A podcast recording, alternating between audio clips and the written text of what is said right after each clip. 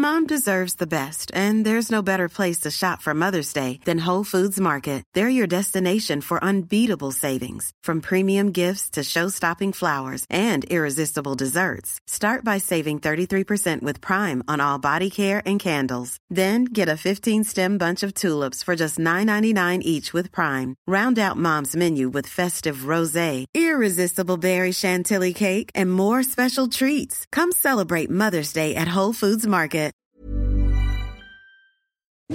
Om du säger någonting igen. Ehm, jag heter Parisa. Tack, då har vi allt vi behöver. Ja, exakt. Då klipper jag in resten. Ja, perfekt.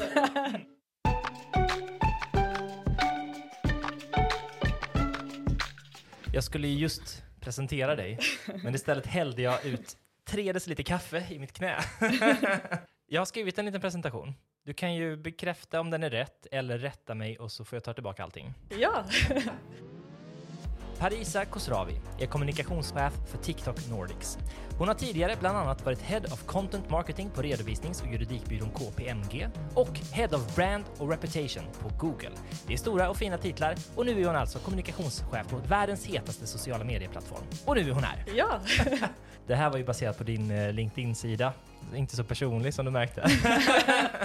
Det är ingen fara. Ja, men det är, it's true. Sen började jag eh, min karriär på en PR-byrå och fick liksom testa på mellan PA, PR, Corpcom, lite allt möjligt. Ehm, och sen hittade jag en, en ja, jag vet inte, vägen fram därifrån. Till sociala medier då. Ja, eller lite allt möjligt egentligen. Så jag hade bestämt mig ganska tidigt att jag ville jobba med ja, men, kommunikation som påverkar människor på ett Mm. sätt och vis. Och då blir det lite ja, men, svårt att navigera i början när man ska hitta liksom, vad är det man brinner för. Så är Mm. det liksom. Eh, men sen hittade jag till ja, men TikTok och det känns, det känns som att det är helt rätt match faktiskt. Mm. Att det är liksom en blandning av kreativitet, underhållning, lite allt möjligt. Men även de seriösa frågorna också. Så att det känns som att man får allt på samma plats. Ehm, jag har ju ett gäng frågor, men vill du att vi tar avstamp i den här listan kanske? Ja, det kan vi göra. Du kan väl berätta, vad är det för lista jag pratar om? Åh nej, vänta. Vilken lista var det? Ja, men det var den förra veckan. Ja, exakt. Ja, precis. Ja, ja, of course. Det var vår så eh, trendrapport, Mm, precis. årssummering så att säga. Eh, Där eh, i princip sp- spesade vi upp de, bland de största kontona i Sverige idag. Eh, och även de mest virala videos. Så det var lite allt möjligt. Det är ju en ganska lång lista, många olika trender, så jag vet inte vilken, vilken ände vi ska börja med. Nej, men eh, kan man dra några slutsatser om den här listan? Vad som finns i toppen och vad som trendar? Ja, absolut. Man skulle kunna säga att det är tre kategorier som trendar i Sverige. Och det var musik, mat och böcker. Um, just mat utmärkte vi oss internationellt också i Sverige. Just för att vi är så duktiga på det, vill jag ändå påstå. Att vi har många kreatörer som är extremt skickliga på att skapa matcontent. Eh, och de har slagit igenom då internationellt och vissa har börjat släppa kokböcker och liknande eh, som följd av det. Så det är ganska kul. Så man har sett till exempel Nutella-pizzan bli helt viral på TikTok. Och det var en kreatör som heter Alma, Alva Blomdahl som släppte en video när hon lagade en Nutella-pizza tillsammans med sin pojkvän och den blev ju gigantisk eh, och spreds över hela jorden. Jag fick runt 35 miljoner visningar bara på den och det är ganska kul. Det är sjukt. Ja, verkligen. Ja, men coolt. Och vad sa du mer? Böcker? Böcker, ja, Booktalk. Ja. Um, det vill jag påstå är världens största bokklubb just nu. Um, Booktalk som hashtag har över 93 miljarder visningar. Och det är ju, det är ju gigantiskt verkligen. Och det är personer från hela jorden som så här, tipsar om böcker, läsinspo och allt möjligt. Och även analyser och liksom olika tolkningar, allt möjligt eh, finns där. Och sen har vi en svensk motsvarighet som heter Bokstället som ligger på cirka 17 miljoner visningar. Och det är ändå ganska mycket, för den släpptes i juni-ish, någonstans där. Så bara på några få månader så fick den ganska mycket momentum. Um, så det är, det är kul att se. Sen Mm. musik också Mm. eh, sticker vi ut. Um, flera av de mest virala eh, låtarna kommer från svenska artister. Just det, Um, i världen. Ja, precis. Och sen har vi också sett flera svenska artister slå igenom på TikTok. Så du kanske känner igen Bells låt som heter Missförstått. Mhm. Den började på TikTok. Mm. Och hon körde en liten challenge. Vi kallar det för att duetta en låt. Där hon fick sätta sina egna liksom, rader på en befintlig låt. Mm. Och den blev ju väldigt viral av den anledningen. Um, så det är ju det är häftigt att se att det verkligen finns en snöbollseffekt på plattformen. När man liksom slår igenom på TikTok så slår man igenom på andra plattformar också. Mm. Mm, jättecoolt. Björn Holmgren är väl också ett sånt Mm, exempel? ja, han är, han är fantastisk. Ja. Och han, han är också väldigt personlig i sitt sätt på Mm. TikTok. Ehm, och vi har även sett gamla låtar få nytt liv i Sverige. Mm. Så Petter och Veronica Maggios låt Länge sedan Mm. blev också viral i våras. Mm. Trots att den kom för länge sedan. Från 11 år sedan typ, något sånt. Ja. Exakt. Det är det som gör det lite ironiskt. Ja, det är väldigt coolt. Även Yung Leans låt var väl en gammal... Ja, den var eh, etta i världen Ja, på TikTok. och eh, 11 år gammal typ. Ja, det är någonting. helt galet. Ja, Ja. sjukt. Jag vet inte om du missförstått eller vilken typ av snedfylla du har fått Jag är inte din vän, kalla inte mig bro Jag ska inte mer hem, jag är inte din hot jag, jag tänkte, det kom ju en annan lista lite tidigare i höstas. Den här maktbarometerns lista. De, ni mäter ju olika saker såklart, men det bara slog mig att de överlappar inte varandra speciellt mycket.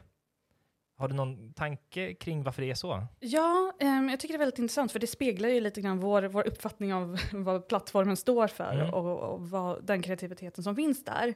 Ehm, vi ser på TikTok till exempel så är det, de, det är vanliga människor som sticker ut Mm. ehm, och hittar sitt community så att säga. Och de personerna kommer i alla åldrar och former, allt möjligt. Och det Mm. finns ingen liksom, standardmall för vad som gör en TikTok-influencer så att säga. Just det, för det som slog mig ändå i topplistan på de med flest följare är att de är ju inte liksom typiska influencers. Jag vet inte exakt hur det är, men det känns som att på Instagram är de största kontona mer typiska influencers, medan på TikTok kanske det inte är så. Precis, och det är, det är också på grund av att mycket av det som sker på plattformen är väldigt så här, intressebaserat. Så de personerna är hyfsat nischade på sitt, på sitt liksom, genre, så att säga. Så Mm. de blir ju extremt vassa i det innehållet de skapar. Och utifrån det bygger en ganska stor följarskara som består av alla möjliga typer, så att säga. Så att de ändå når ut med något som är så nischat är väldigt, eh, väldigt spännande att se. Ja, men det var kul att se den listan.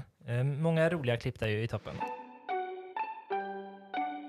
Men om vi ska prata lite allmänt då. Vad skulle du säga skiljer TikTok från andra plattformar med stående eh, korta videos? Jag skulle säga att det är nog eh, användarupplevelsen och Mm. själva miljön på TikTok. På plattformen hyllar man ganska mycket kreativitet, den enskilda personen, att man är precis som man är, att det finns liksom inget sätt man måste vara jämfört med andra plattformar för att lyckas. Och det återspeglas i hur man tas emot, hur sitt innehåll sprider sig och eh, den snöbollseffekten eh, sånt, typer av, sånt innehåll faktiskt får. Vi ser ju ändå att det finns, jag nämnde lite innan, att det finns ingen så standardmall. Och det, det stämmer ju till 100 procent, Mm. att du kan vara precis som du är, du behöver inte ha någon viss klädsel eller smink eller vad som helst, eller prata på ett visst sätt för att lyckas, Mm. utan eh, kom som du är. Och det är det som jag tror att människor har längtat efter, speciellt under pandemin, att man Mm. har sökt sig till den här autentici- au- autenticiteten Mm. på plattformen. Det är nog därför TikTok sticker ut och har ändå varit väldigt framgångsrikt. Men eh, för det är ju slående ibland när man sitter och scrollar i mobilen så vet man inte riktigt vad man är. För många sociala plattformar har ju den här korta vertikala videos som du scrollar upp och ner för att gå fram och tillbaka på. Men, men TikTok är ju den som lyckas bäst. Ja, precis. Och det är för att innehållet sprids ju bland de personer som är troligast intresserad av den typen av innehåll man lägger upp. Så det- det är också en trygghet för den som skapar, att man vet att när man har väl har nischat sig så kommer det, det innehållet skickas vidare till flöden som faktiskt vill ta emot Mm. det innehållet. Så det tycker jag ändå är lite en reflektion av, av det.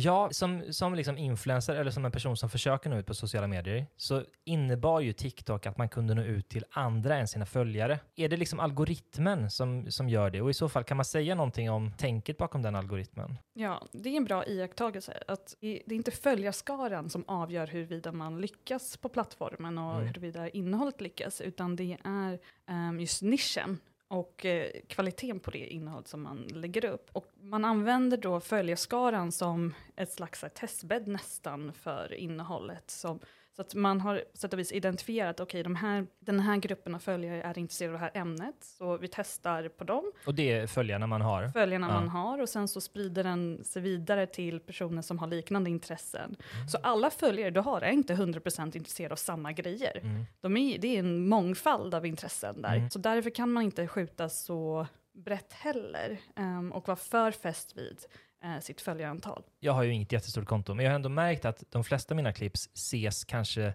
till 5-10% eh, av mina följare. Resten är liksom nya personer. Men, men är det då så att man testar på följarna, tas klippet emot väl där, då pushas det ut till nästa cirkel av människor som kan tänkas gilla liknande saker.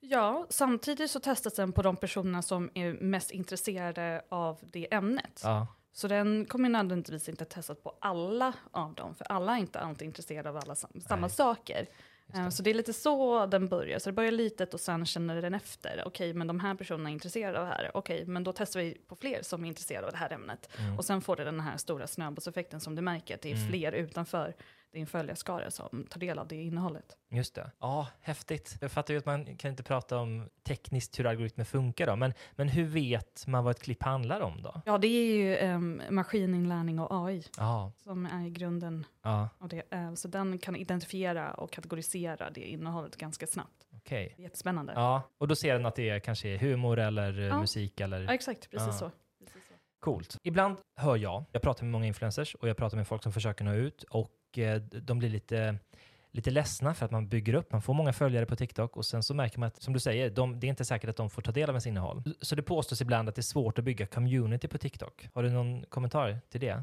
Jag skulle nog säga att testet var ännu mer personlig. Eh, och det innebär allt från att prata till kameran, Mm. man pratar till människan som tittar, liksom, och sen även interagera med kommentarerna och de som skriver och liksom bygga upp en personlig relation till dina följare. Sen så finns det också ett annat flöde, så det finns två flöden. Det finns den här för dig-flödet Mm. som är det generella och sen finns det följ, de du följer. Och där kommer man med största sannolikhet dyka upp då bland sina följare. Det finns ändå två, två vägar att nå ut där. Mm. Eh, men var personlig. Testa att eh, vara ännu mer närvarande och till och med skapa video på kommentarerna. Så vi har sett till exempel när Veronica Maggio startade sitt konto Mm. så var det det som fick henne att explodera. Att hon faktiskt svarade på frågor. Att folk frågade ah, men, eh, hur, hur tänkte du när du skrev den här låten? Mm. Och då svarade hon på den kommentaren och Mm. byggde upp ett community på det sättet. Så det, är, det finns olika sätt, eh, olika vägar att ta. Just det. Ja, men jätteintressant ju.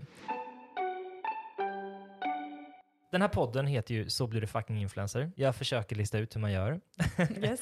Om jag då vill växa och bli stor på TikTok, har du några råd? Ja, jag skulle säga hitta din nisch. Mm. Bli riktigt vass på den. Eh, För det är då du sticker ut i mängden. Var personlig, våga prata till kameran. Mm. Det är en tröskel för vissa att liksom börja prata inför kameran, jag förstår det, även, så är det även för mig. Mm. Eh, men det är, det är ett sätt att bygga en personlig anknytning. Em, så var personlig, nischa dig och våga testa, testa dig fram. Mm. Och bli inte besviken om innehållet inte fungerar, för då kan du bara testa igen. Eh, och hellre posta för mycket än för lite. Det är också ett tips vi brukar ge. Att Mm. Kör hårt, fullt ut och sen se, se vad som flyger. Mm. Ibland stöter jag på videos på TikTok med så här eh, gapiga amerikaner ofta som säger If you wanna grow on TikTok, post four times a day, use this sound, use this hashtag, bla bla bla. Alltså massa Ja, sådana konkreta tips.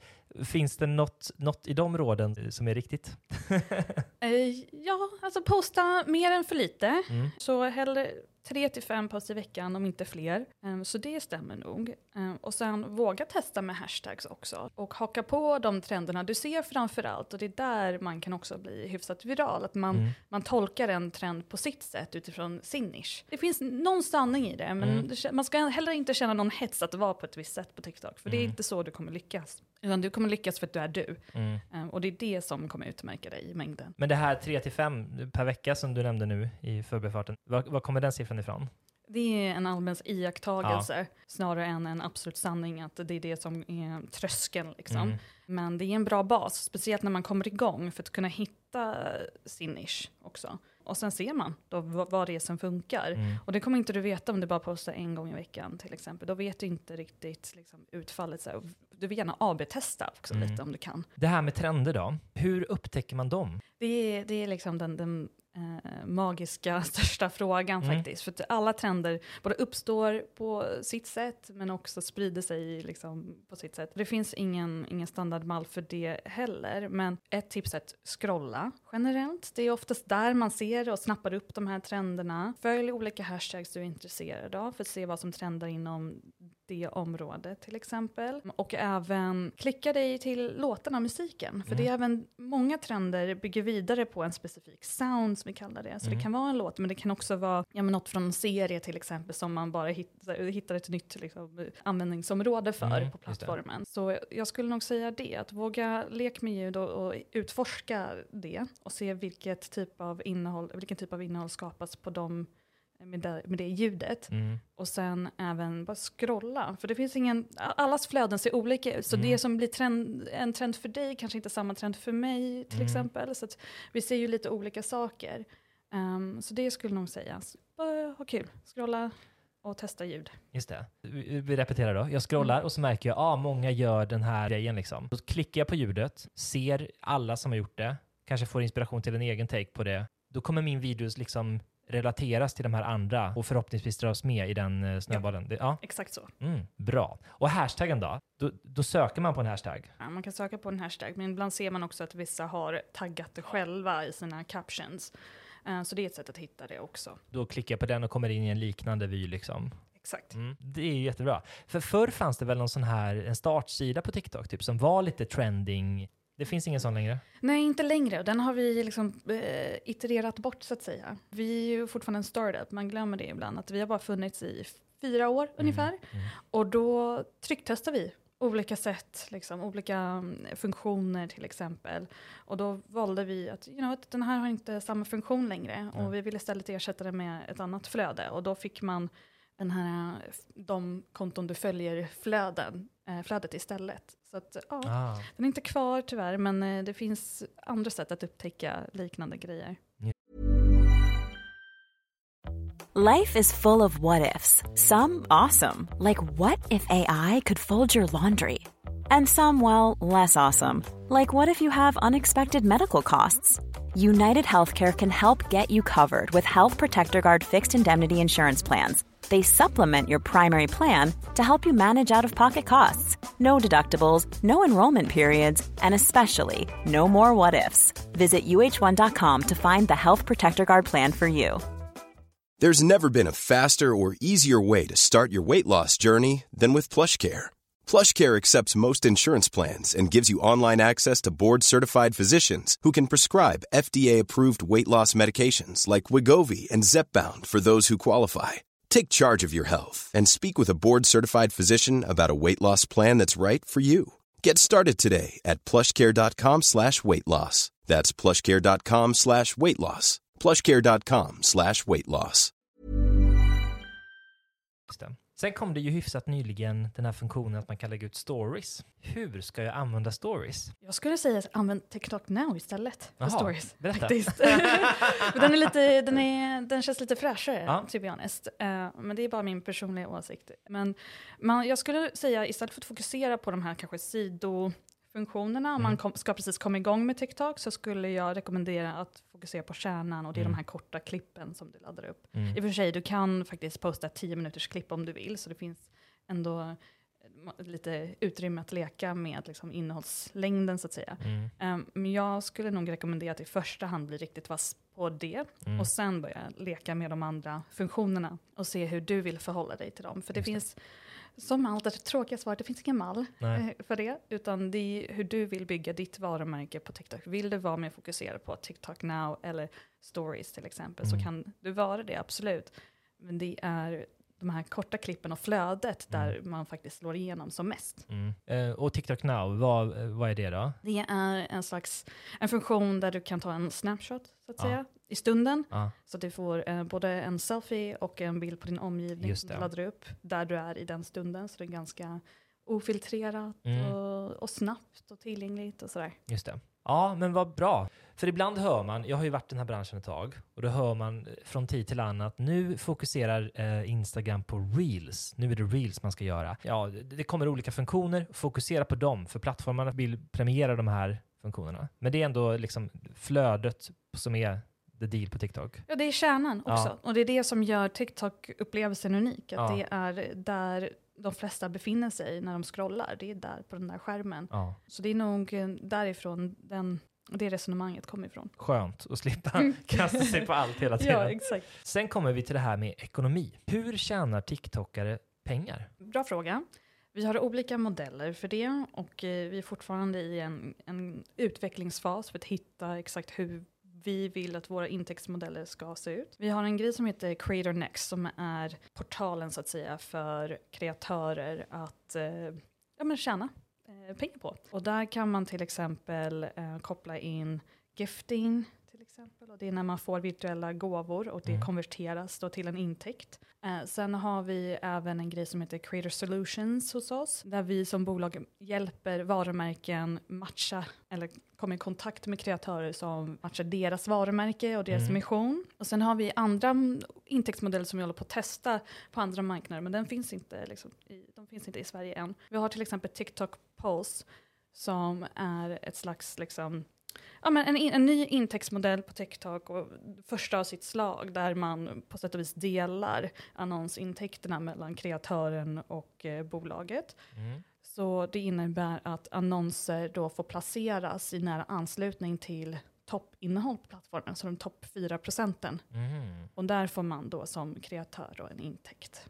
Och det håller vi på att testa i USA i skrivande stund, så att vi får se hur, hur det fungerar och huruvida vi börjar rulla ut det eller Mm. utveckla det vidare. Spännande. Den är, den är ganska spännande. Mm. Sen så finns det såklart samarbeten utanför plattformen som vi Mm. såklart rekommenderar och vi är gärna där och, och hjälper eh, både bolag och kreatörer hitta till varandra. Och det brukar bli ganska roligt att se, för kreatörerna på TikTok är extremt skickliga på att tolka de här eh, liksom samarbeten och, och de budskapen på sitt sätt. Det är en helt annan upplevelse i appen, så Mm. oftast blir den typen av innehåll ganska populär på plattformen. Mm. För det känns inte störigt om du förstår vad jag menar. Mm. Det känns som att det är en del av användarupplevelsen. Så det är rätt häftigt. Ja, när man är van att göra branded content till exempel, ibland vill man ju göra det väldigt putsat och fint liksom, så att det känns som en reklamfilm. Det har ju varit idealet på Instagram, men när man gör det på TikTok, det blir inte poppis. Nej, precis. Och det är det, det som är så intressant ändå att, att nu har ju åtminstone flera varumärken anammat det här TikTok-känslan och Mm. förstår att man behöver vara en del av ekosystemet för att Mm. lyckas på plattformen. Och även annonserna behöver förhålla sig till de spelreglerna så att säga. Och de Mm. blir då riktigt bra och presterar väldigt bra. Influencers har ju ofta många strängar på sin lyra, så att säga. De är kanske artister och eh, influencers, eller eh, skådisar och influencers, eller företagare och influencers. Och jag har upplevt att det är lite svårt. Alltså man kan nå ut på TikTok med ett klipp som spelar efter TikToks regler, liksom, där man jobbar med trender och sådär, eller med ljud. Men sen när man säger lyssna på min nya låt, den finns på Spotify till exempel, då är det jättetrögt. Hur ska man tänka om man har flera liksom, mål med sin plattform? Det är en väldigt bra fråga, för jag, jag kan förstå att man blir lite besviken när man ser att vissa videos kanske inte presterar lika bra som de andra som Mm. kanske är lite mer i linje med sin nisch. Och det är ändå, det avspeglar ändå lite grann det, den förväntan man har som TikTokare, att det ska vara på ett visst sätt. Men samtidigt vill vi även uppmuntra då de personerna att utveckla sig ännu mer inom just den nischen som de kanske vill specialisera sig på Mm. ytterligare till exempel. Mm. För att den ska kunna hålla samma nivå som kvaliteten i den andra nischen till Mm. exempel. Eh, Så det kan vara ibland att faktiskt kanske det innehållet som är kanske lite mer musikfokuserat Mm. inte är lika bra Mm. Som det andra innehållet. Det kan också bero på att an- annat innehåll inom den kategorin är lite starkare. Just det. Eh, Så där tipsar vi om att försöka vässa innehållet lite mer, eh, så att du kan ändå förhålla dig till det andra som finns i den kategorin som kanske har nischat sig på just Mm. den kategorin också. Just det. Så om jag gör en slapp video där jag säger lyssna på min låt, då konkurrerar den med liksom en fräck Veronica Maggio-video till exempel. Då. Typ så. Mm, just det. Men då kanske det finns, ja antingen gör man som du sa såklart, eh, att man gör det riktigt bra. Eller finns det någon idé att liksom ha flera konton? Vi skulle nog säga att, eh, att eh, håll dig till ett konto Mm. och bli riktigt bra på de områden du vill fokusera på, snarare Mm. än att du ska dela upp arbetet, så att Mm. säga. Korta svaret. ja, men det är ju bra. Då slipper man ju... Ja, men det är helt enkelt att man själv är för dålig då på det. Man... och det är, eh, det är inte enkelt heller, du vet, så här, innehållet är ju riktigt bra på TikTok. Ja. Så att det är inte så konstigt att eh, en nisch kanske är lite svårare för en att liksom, eh, se in i jämfört Mm. med den som man redan är och fungerar Ja. i. Ja, jag får lura på hur jag ska, hur jag ska nå ut med det här. Okej, men lite tekniskt då. Jag gör sketcher och jag upplever att jag måste texta dem. Jag upplever att jag måste texta varenda ord i videon. Är det väl investerad tid? Jag har svårt att säga faktiskt. Jag vet inte. Jag vet inte om den, hur mycket texten avgör huruvida den sprider sig. Jag tror att det är snarare en tillgänglighetsfråga. Um, att jag tycker principiellt det är bra att Mm. göra det. För Mm. då kan andra som kanske inte hör Mm.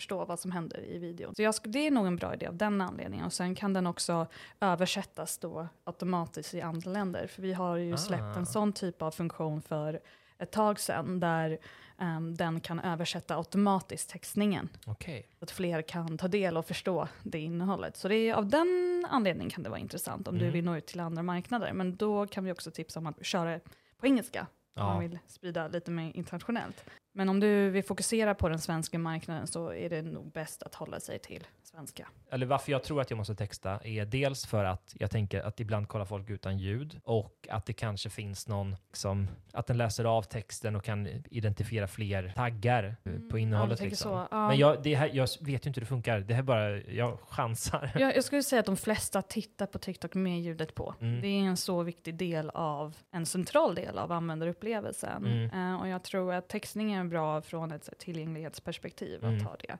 Och sen så kan den såklart översättas automatiskt om den skulle sprida sig till andra marknader. Och det är det. ju det är positivt. Det är jättebra. Men, och då är det den textningen som man gör via TikToks app, eller? Ja, precis. Mm. Så att om jag, om jag textar i datorn kommer inte den omfattas av det? Nej, för den, den snappas inte upp på samma sätt. Men det måste jag dubbelkolla. Mm. det här blir ju väldigt konkret nu, men det är för att jag själv är nyfiken på det här. För det tar lång tid för mig att texta. ja, ja, jag fattar. Men en, eh, en till fråga om just textning. Kan vi se fram emot autotextning på svenska? Jag har inget datum för när vi kommer lansera den lokalt, men det är på G. Okej, vad kul. Mm, mm. Okej, en liknande fråga då. TikTok har ju en väldigt, eh, numera väldigt bra videoredigeringsfunktion. Av gammal vana så redigerar jag gärna på datorn. Blir jag liksom på något sätt straffad för det? Nej, absolut inte.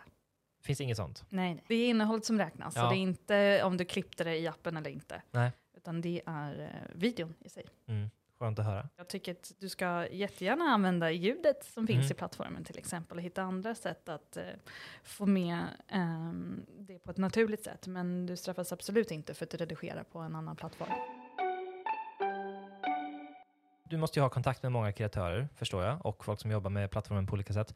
Har du snappat upp några hacks som folk använder sig av för att orka vara mer produktiva, eller att hålla i längden, eller få en idé att räcka till flera klipp? Eh, något åt det hållet. Jag tror att alla har lite så olika förhållningssätt till hur de hinner med. Det finns Mm. en kreatör till exempel ehm, som är juriststudent, hon heter Jasmin Darban. Och hon fokuserar sitt innehåll på BookTalk. Mm. Eh, och hennes sätt att få det att fungera i vardagen är att köra på de tiderna hon inte pluggar. Mm. Att, liksom, att hon använder den tiden utanför plugget för att kunna prioritera sitt innehåll. Och det är, Mm. det är hennes sätt att kunna få in det i vardagen. Så, är Mm. så att hon ändå förhåller sig till TikTokandet som någon hobby till Mm. exempel. Men det har lyckats jättebra för henne. Mm. Hon eh, skapar jätteroligt och spännande BookTalk-innehåll. Jag vet inte, det är lite svårt för mig att säga för jag är inte så, så nära kreatörerna att Mm. kunna... Den frågan har jag inte ställt dem faktiskt, om de har några hacks och tricks och tips. Mm. Um, utan det har blivit ganska... Alla kör lite på sitt sätt. De är så nischade i sina områden, så vissa behöver Mm. vara lite mer fokuserade till, alltså förhålla sig till köket och ljussättningen för att kunna laga maten på ett visst sätt, så att det Mm. fungerar för dem eh, och får in det i vardagen. Mm. Um, vissa skapar innehåll samtidigt som de sminkar sig. Så de berättar Mm. liksom, en berättelse under tiden de sminkar sig och gör sig redo för dagen. Så alla har liksom lite olika sätt att få in innehållsskapandet i vardagen. Men de flesta postar ganska ofta Mm. ändå att det blir tre till fem som jag var inne på lite innan. Mm. Um, och sen får många av dem också lite vägledning av oss. Vi har ett team som jobbar Mm. dedikerat för att hjälpa kreatören hitta sin nisch, men också Mm. komma igång på plattformen. Så vi är ett gäng som är väldigt nära kreatörerna på Mm, det okej. sättet och hjälper dem på traven. Mm. Så det är lite unikt och vi, vi, vi gärna vårdar det communityt vi har Mm. och hjälper gärna dem på traven på det Mm. sättet och öppnar dörrar. Ehm, så vi är väldigt nära kreatörerna på det sättet. Mm. Så det, det finns alltid vägar att få lite extra hjälp om man skulle behöva det om man kommer igång med sitt TikTokande. Ja, men okej. Så helt enkelt eh, att försöka hitta hitta tillfällen i vardagen när man kanske kan få lite synergieffekter då. Om jag ändå ska sminka mig eller kamma mig så kan jag filma det. Ja, lite så. Och det, Mm. och det är också för att det blir så personligt. Mm, Och rått på något sätt. Det är så ofiltrerat Mm. att bara liksom vara sig själv och Mm. berätta någon rolig berättelse samtidigt som att man gör något annat. Men också mycket modeinnehåll skapas på det sättet. Mm. Den här Get Ready With Me-hashtaggen till exempel, så det. är det att man följer en person, gör sig redo för dagen Mm. liksom, på olika sätt och vilka kläder de väljer och hur de matchar.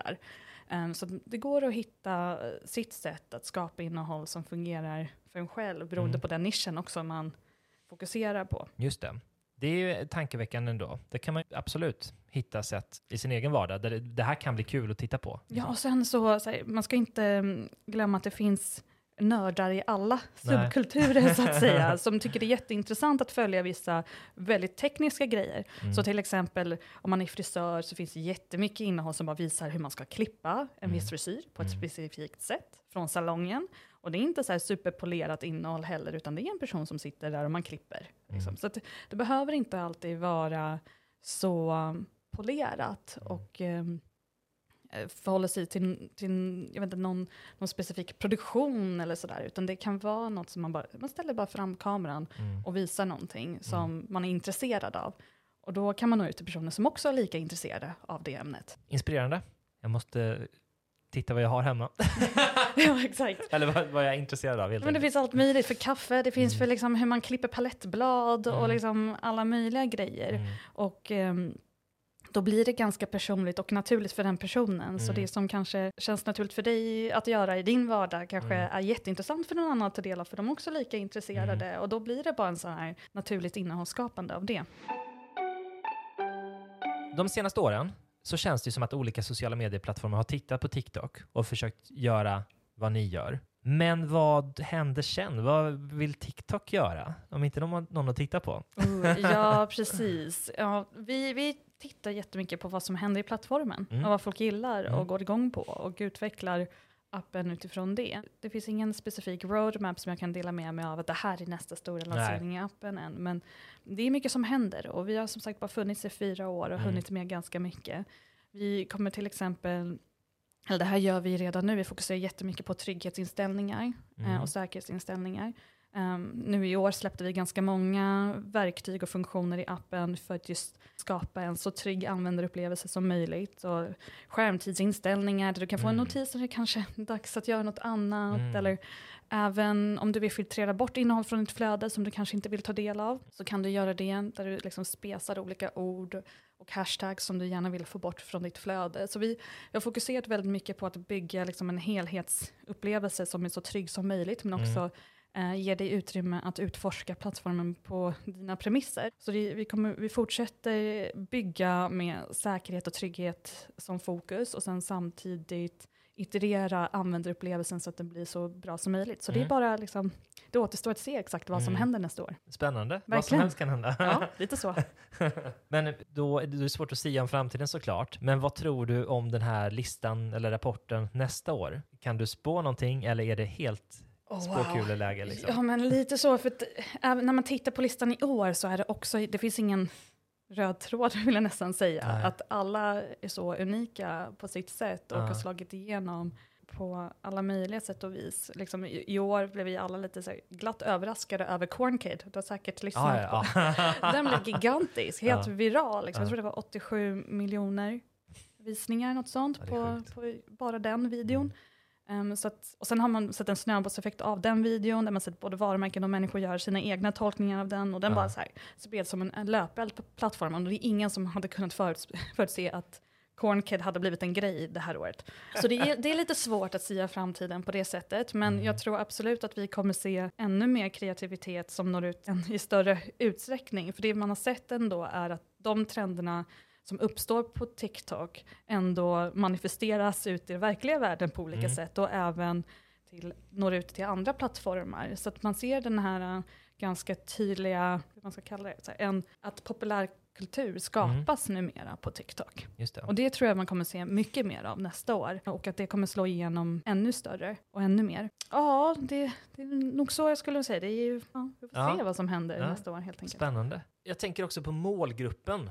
För det finns nog bland många äldre en, en fördom om att det är barn som använder TikTok. Eh, kan man säga någonting om, om vilka, vilka använder plattformen och vilka ko, liksom, kommer under nästa år? Kommer det bli många äldre användare? Finns det några prognoser kring det? Ja, generellt så skulle man kunna säga att vi växer som mest bland de äldre åldersgrupperna. Ehm, och det ser man också återspeglas i innehållet på plattformen.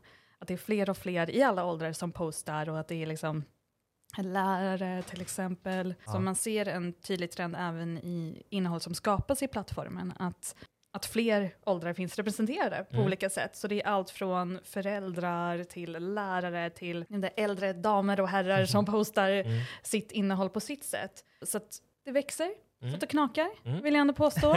Ehm, och det är återstår att se exakt vilken målgrupp som kommer sticka iväg som mest nästa år. Mm. Men plattformen ser absolut annorlunda ut än vad den gjorde för ett, två år sedan, Mm. bara då. När man såg ju när TikTok ändå köpte upp Musical.ly och blev Mm. TikTok, Mm. att det var mycket mer dans och musik på den tiden. Mm. Men nu har plattformen blivit något helt Ja, verkligen. Eh, Okej, men eh, är det, finns det en överrepresentation av unga och barn i dagsläget? Jag får inte gå in i så mycket detaljer Ah, faktiskt. Jag skulle nog säga att eh, det finns en fördom absolut att plattformen är yngre än vad den är. Okej, ja. Det är så, det är så lite mystiskt. Ja. Men, ja.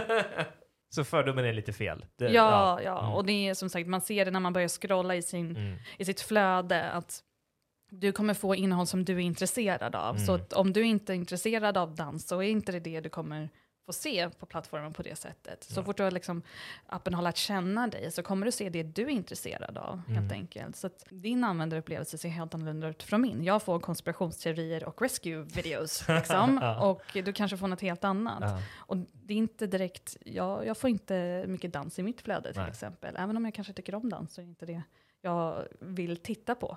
För mig har TikTok blivit min Netflix så att säga. Jag sitter och streamar TikTok på kvällen istället Mm. för kanske en serie. Finns det någonting som du trodde jag skulle fråga om som vi inte kommit in på? Ett outforskat område som är särskilt spännande eller så? Nej, inte något så super- för vi har ändå vi har pratat om trender, vi Mm. har pratat om hur man kommer igång och liksom vad man ska tänka på. Den var svår, jag tror, det känns som att vi har täckt det Ja. mesta. Hmm, kanske en grej, så, eh, kanske en fördom snarare. Vi pra- Vi var lite inne på det tidigare om huruvida man blir straffad Mm. för olika saker. Mm. Och jag vill ändå förtydliga att det, man blir inte straffad Nej. för det man postar, utan man ska vara sig själv och vara inte rädd för att uttrycka det på ditt sätt. Utan det finns liksom ingen, ingen som sitter och, och liksom granskar ditt innehåll på det sättet och tänker huruvida den får spridas eller inte.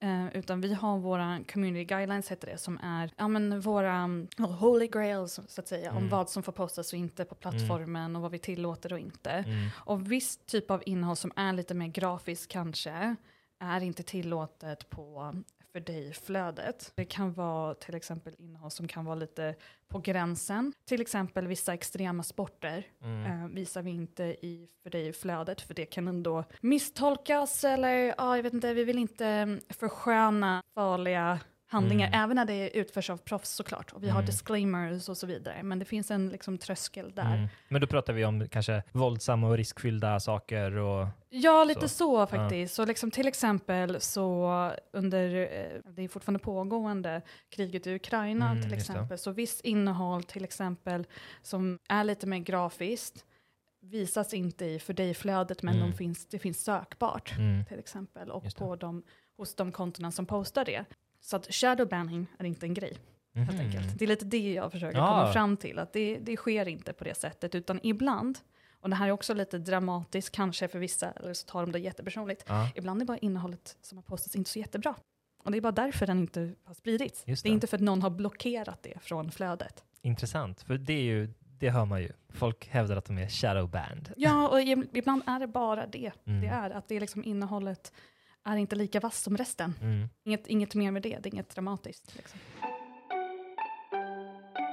Jag kommer att tänka på också, för många som är influencers då, de skaffade ju TikTok sist i kön av appar de använder liksom.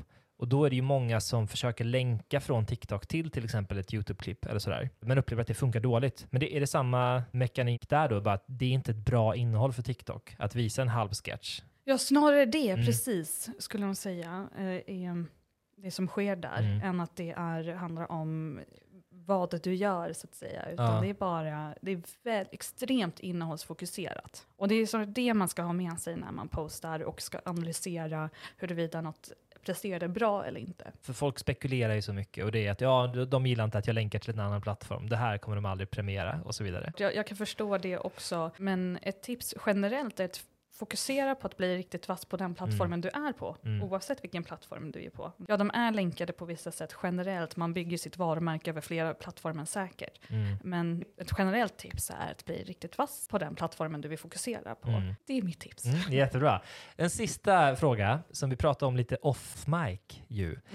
Vad skulle du säga kännetecknar klipp som går bra? Alltså det var ju ingen som kunde förutspå att en tjej som gör en pizza med Nutella på, att det skulle bli viralt. Eller två handbollskillar i Kristianstad som leker med klister, att de skulle bli de mest virala. Men det måste ju finnas någonting, någonting någon minsta gemensamma nämnare bland de här klippen. Jag skulle nog säga att det är att de väcker känslor på ett sätt. Oavsett vilken känsla så, så framkallar det en reaktion. Och samtidigt um, skadar inte det att, att försöka bygga en igenkänningsfaktor i det man skapar. Så att man kan relatera till det man tittar på på sitt sätt. Så att, ja, jag skulle nog säga att de väcker känslor, mycket humor ibland som också funkar rätt bra.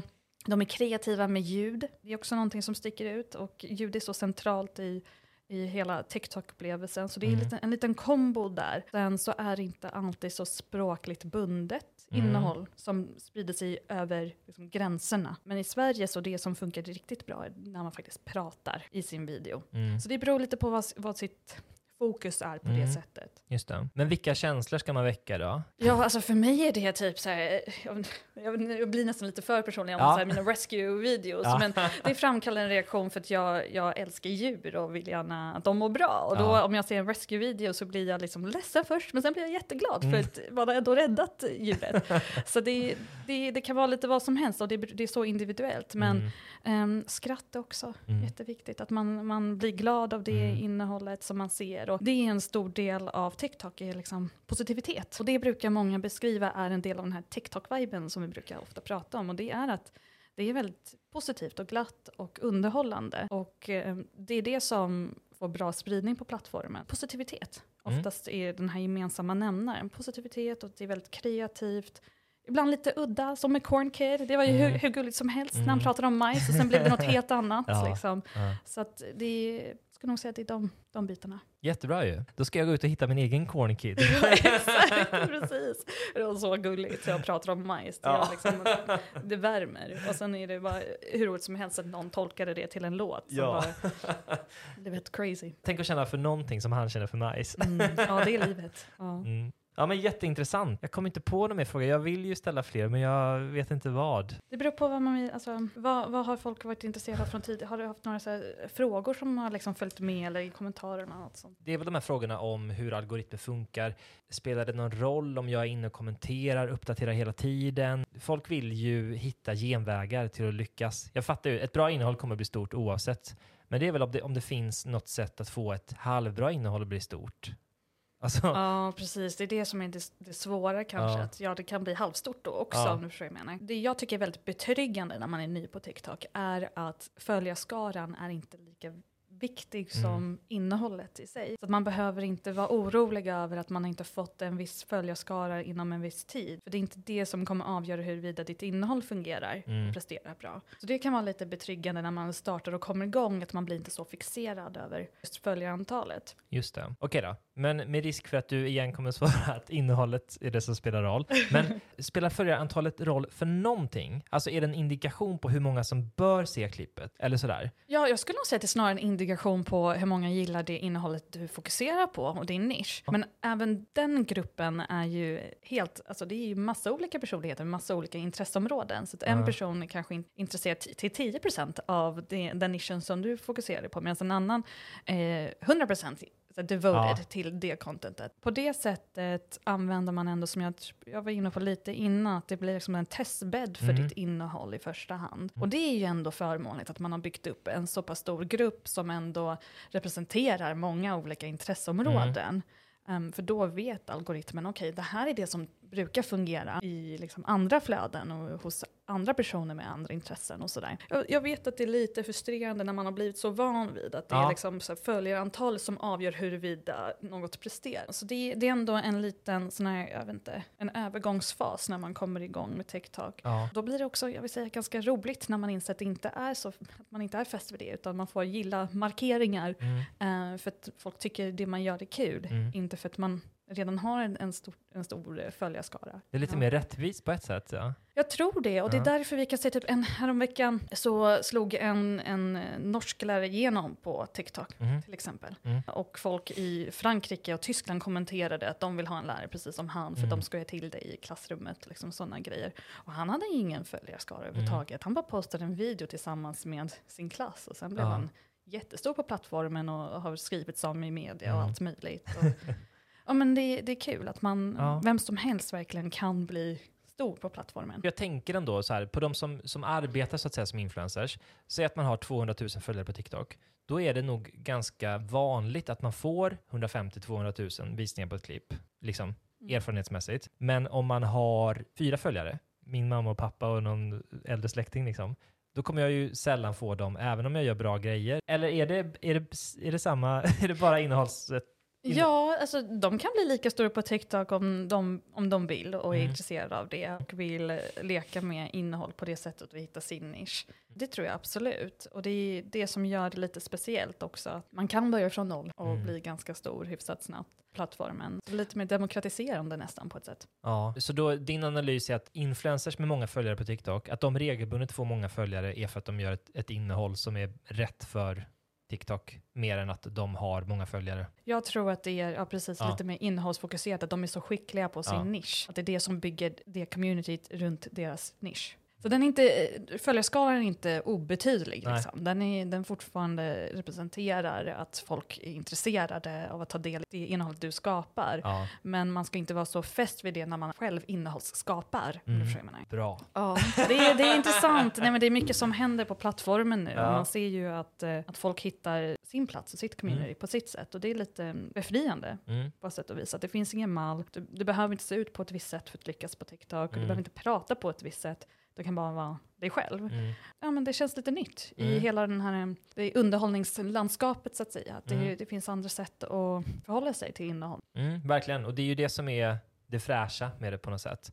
Men också då lite frustrerande på vissa sätt. När man är van att det ska vara en viss logik liksom. Precis så. Det är en learning curve, så att säga. Mm. Men uppenbarligen så är det många som tycker om det. Mm. You know, vi har över en miljard användare globalt. Mm, Och vi växer. Det, det, visar, det står ju ändå för någonting. Absolut. ja, ja, häftigt. Jätteintressant. Jag hoppas det. Ja, Vad ja, kul! Ja. Ja.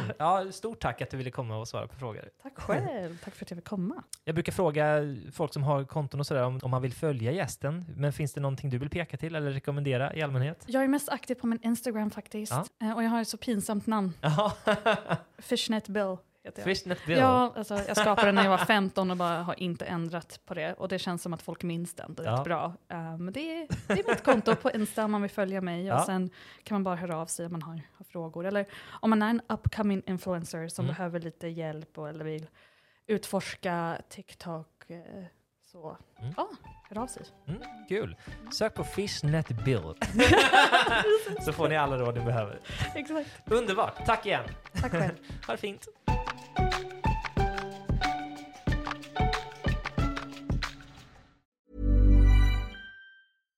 Hi, I'm Daniel, founder of Pretty Litter. Cats and cat owners deserve better than any old fashioned litter. That's why I teamed up with scientists and veterinarians to create Pretty Litter. Its innovative crystal formula has superior odor control and weighs up to 80% less than clay litter. Pretty Litter even monitors health by changing colors to help detect early signs of potential illness. It's the world's smartest kitty litter. Go to prettylitter.com and use code ACAST for 20% off your first order and a free cat toy. Terms and conditions apply. See site for details.